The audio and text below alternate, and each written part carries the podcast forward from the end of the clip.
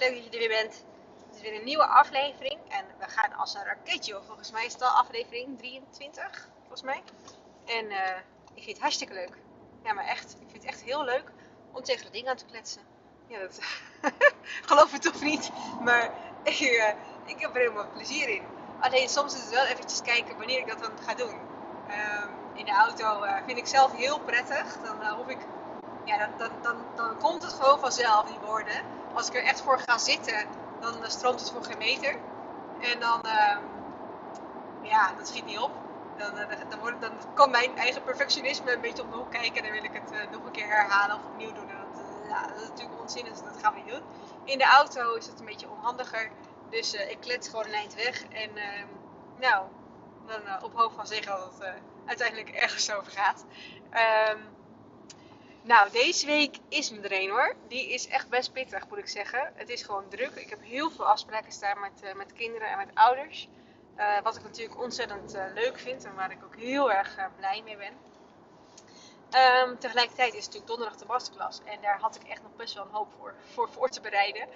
laat ik zeggen, ik had nog niet eens iets van de techniek geregeld.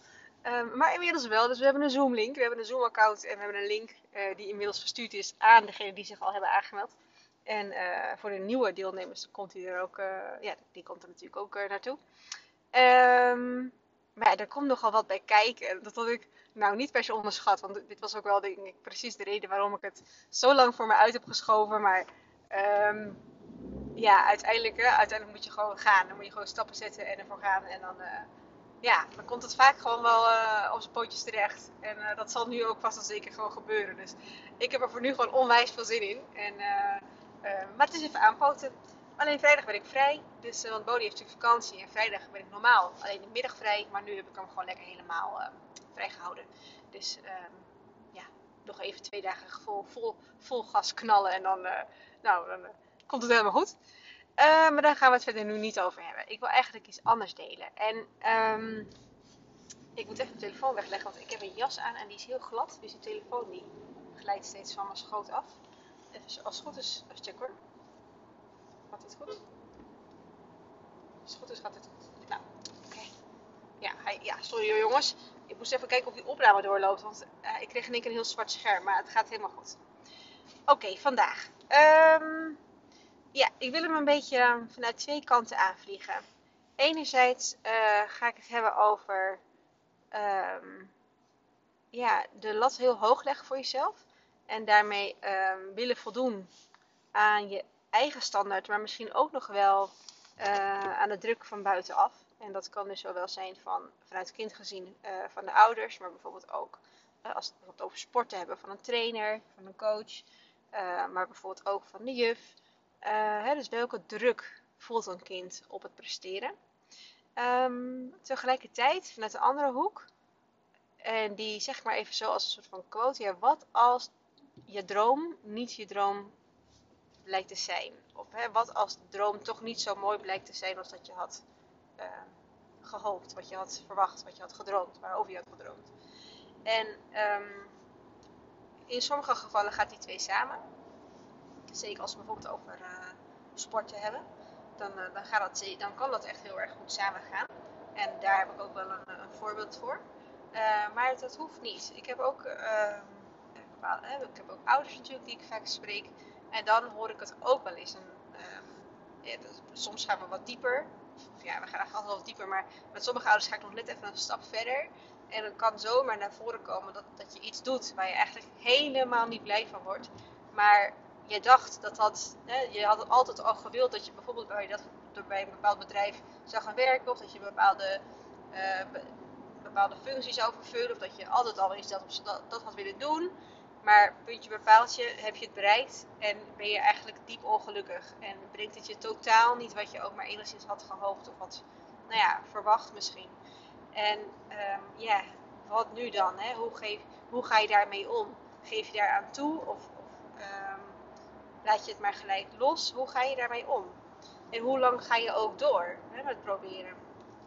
Nou, laat ik eerst eens beginnen met het eerste voorbeeld en dan pak ik even het voorbeeld van sporten.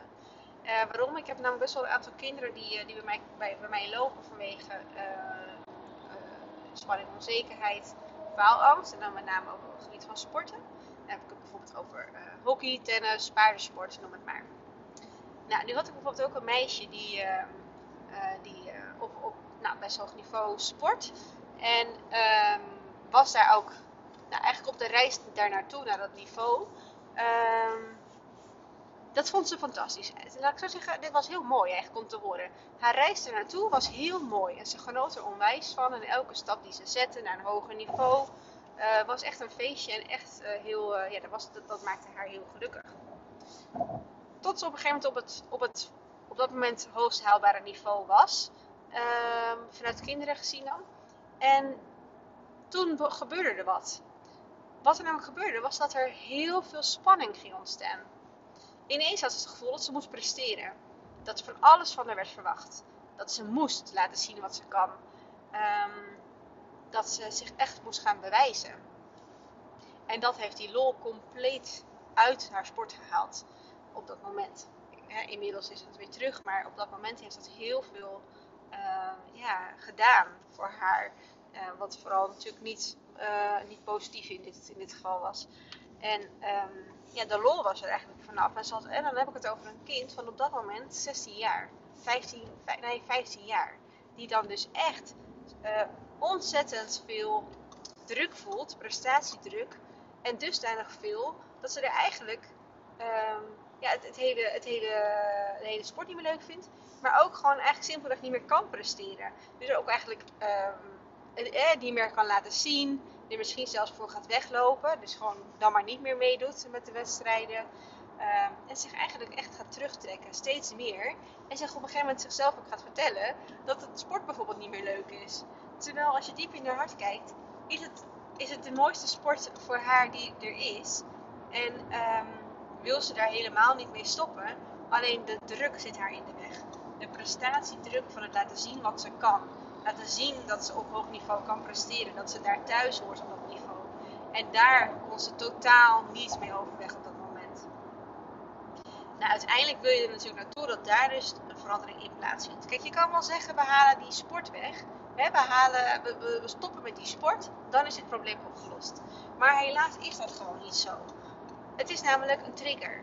die sport is in dit geval de trigger van de prestatiedruk. Hè? Van het moeten presteren, van faalangst, klachten, noem het maar. Alleen het is niet hetgene wat, wat echt de kern is van het probleem. Het probleem is uiteindelijk hè, de, de, uiting, is in dit geval dan het faalangstklachten, terugtrekken, onzeker worden. Um, maar dan kan je die sport wel weghalen. Dit gevoel zit er al. Dat zat al veel dieper. Dat zat al in je. Dat, dat heeft zich ontwikkeld. Op het moment dat je sport weghaalt, grote kans dat het zich verder gaat ontwikkelen op een ander vlak. Dus bijvoorbeeld school. Dat ook op school in één keer de druk heel erg uh, groot wordt gevoeld. Hè, als uh, groot wordt gevoeld, ervaren moet ik eigenlijk zeggen. En, uh, of bijvoorbeeld, ehm, je gaat een andere sport doen en dan ervaar je daar weer druk. Dus dat zit al in je en dat neem je gewoon met je mee. Dat gaat niet zomaar weg op het moment dat je die sport weghaalt. Helaas. Het kan op dat moment natuurlijk wel wat rust geven. Hè, want je haalt eventjes die, die angel eruit. Dus dat geeft natuurlijk in het moment geeft het rust. Maar uiteindelijk blijft het bij je en gaat het je gewoon achtervolgen. En dat zag ik ook bij haar. En uh, ja, zij is inmiddels zover dat ze ook echt daar stappen in wil gaan zetten. En het is wel leuk, want zij is natuurlijk wat ouder dan dat ik, uh, de kinderen die ik normaal begeleid. Maar dat vind ik juist ook wel heel tof om gewoon eens met haar op een heel ander vlak aan het werk te gaan. En uh, te zien welke stappen ze allemaal zet. Maar laat ik zo zeggen, hetgene wat ik doe met de kinderen uh, in een aangepaste vorm is dat precies hetzelfde wat voor volwassenen gewoon ook werkt. Um, en dit meisje is geen volwassene hoor, ze is nog een kind, maar ze is nu 17, 16, 17 jaar. En, uh, uh, maar, maar, zij kan dus prima in dit programma meedraaien. En dat is heel gaaf om te zien hoe ze dat ook oppakt.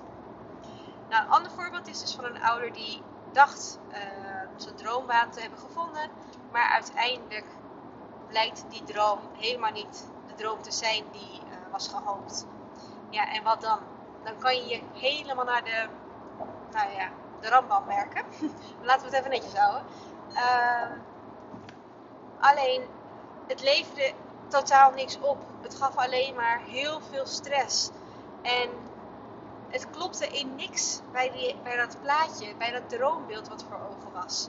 iets was gewoon niet. Het, het, hele idee van het bedrijf was leuk, maar de hele uitwerking, hoe de realiteit is gewoon totaal anders. En hoe ga je daar dan mee om?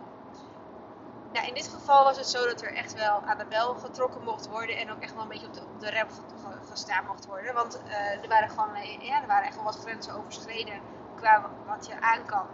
En uh, ja, in dit geval zijn er dan dus ook echt wel stappen gezet om te zorgen dat er rust ontstaat.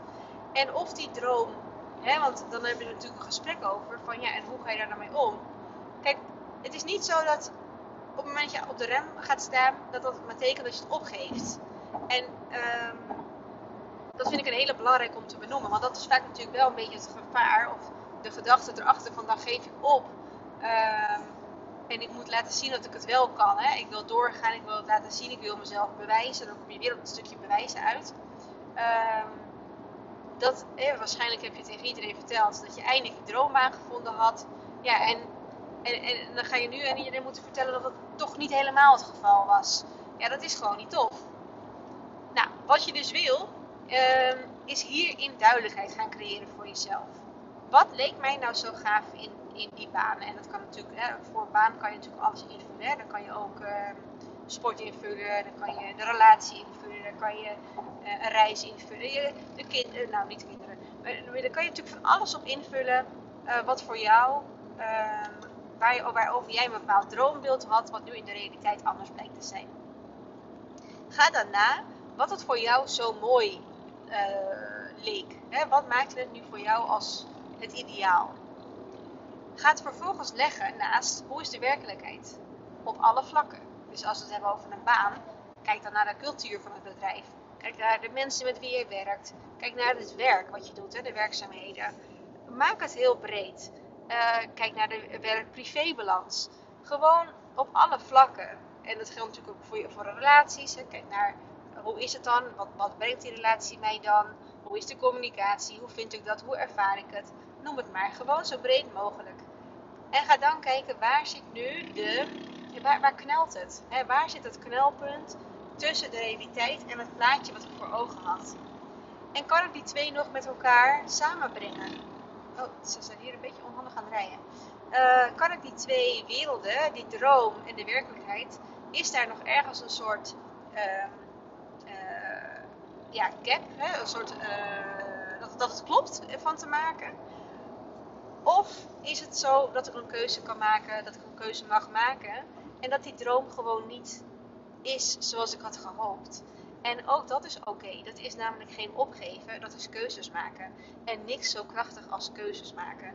En um, ik denk als je dat doet vanuit het volle uh, bewustzijn, vanuit het volle zelfvertrouwen, vanuit het vertrouwen, dit is, de, dit is de keuze die ik moet maken omdat dit gewoon niet is wat ik ervan had gehoopt, dan brengt het je uiteindelijk alleen maar heel veel goeds. Want dan gaan er weer andere deuren openen die mogelijkerwijs dichter bij jouw droom staan. Want hoe meer, hoe meer je in aanraking komt met dingen die je niet wilt, hoe dichter het brengt bij de dingen die je wel wil. En zeker als we het over dit soort uh, over werkrelaties, um, reizen, dat soort dingen hebben. Nou, um, uiteindelijk is denk ik de stekking van het verhaal uh, het voldoen aan, aan verwachtingen, het voldoen aan de druk, hè, jezelf, jezelf de druk opleggen, dan wel dat anderen de druk op jou leggen en daarmee omgaan. En vervolgens ook de kracht van de keuzes. Dus durf je vervolgens ook te handelen. Maar ook durf je ook hulp te zoeken op het moment dat je er zelf niet uitkomt. En dat vind ik wel een belangrijk om te benoemen. Zeker natuurlijk uh, op het gebied en het eerste voorbeeld van het meisje wat sport. Dan vind ik het heel belangrijk om dat wel te benoemen. Want je neemt het met je mee. Het lost zich niet vanzelf op, blijkbaar. Dus zal je er iets mee moeten gaan doen.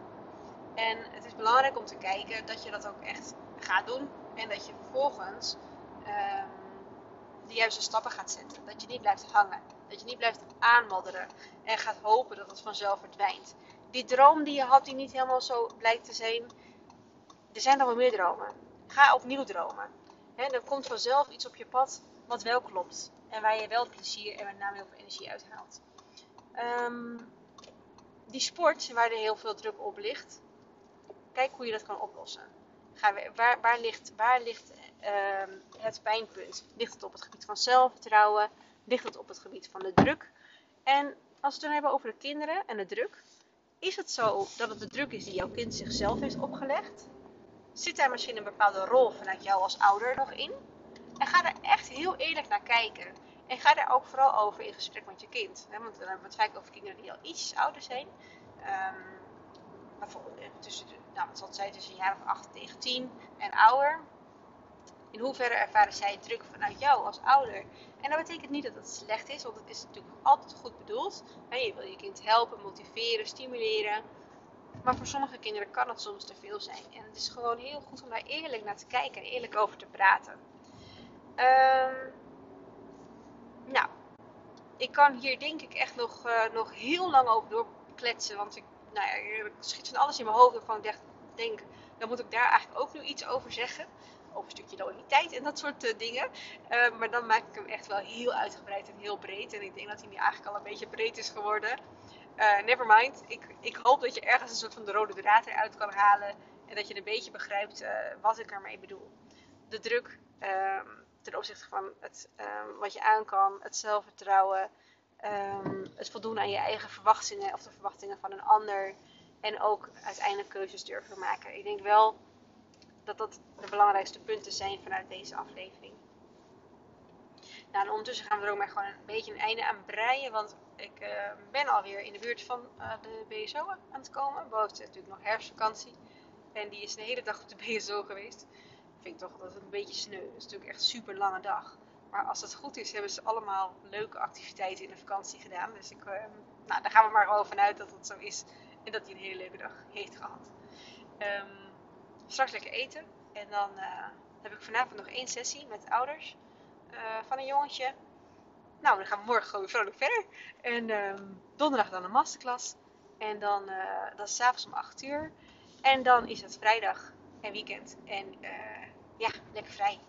En ik krijg nog wel zin in. Deze week was, is gewoon best pittig, maar wel echt heel erg leuk. En ik geniet intens van alle kinders en ouders en alle mooie dingen die, die komen. Nou, uh, dankjewel voor het luisteren.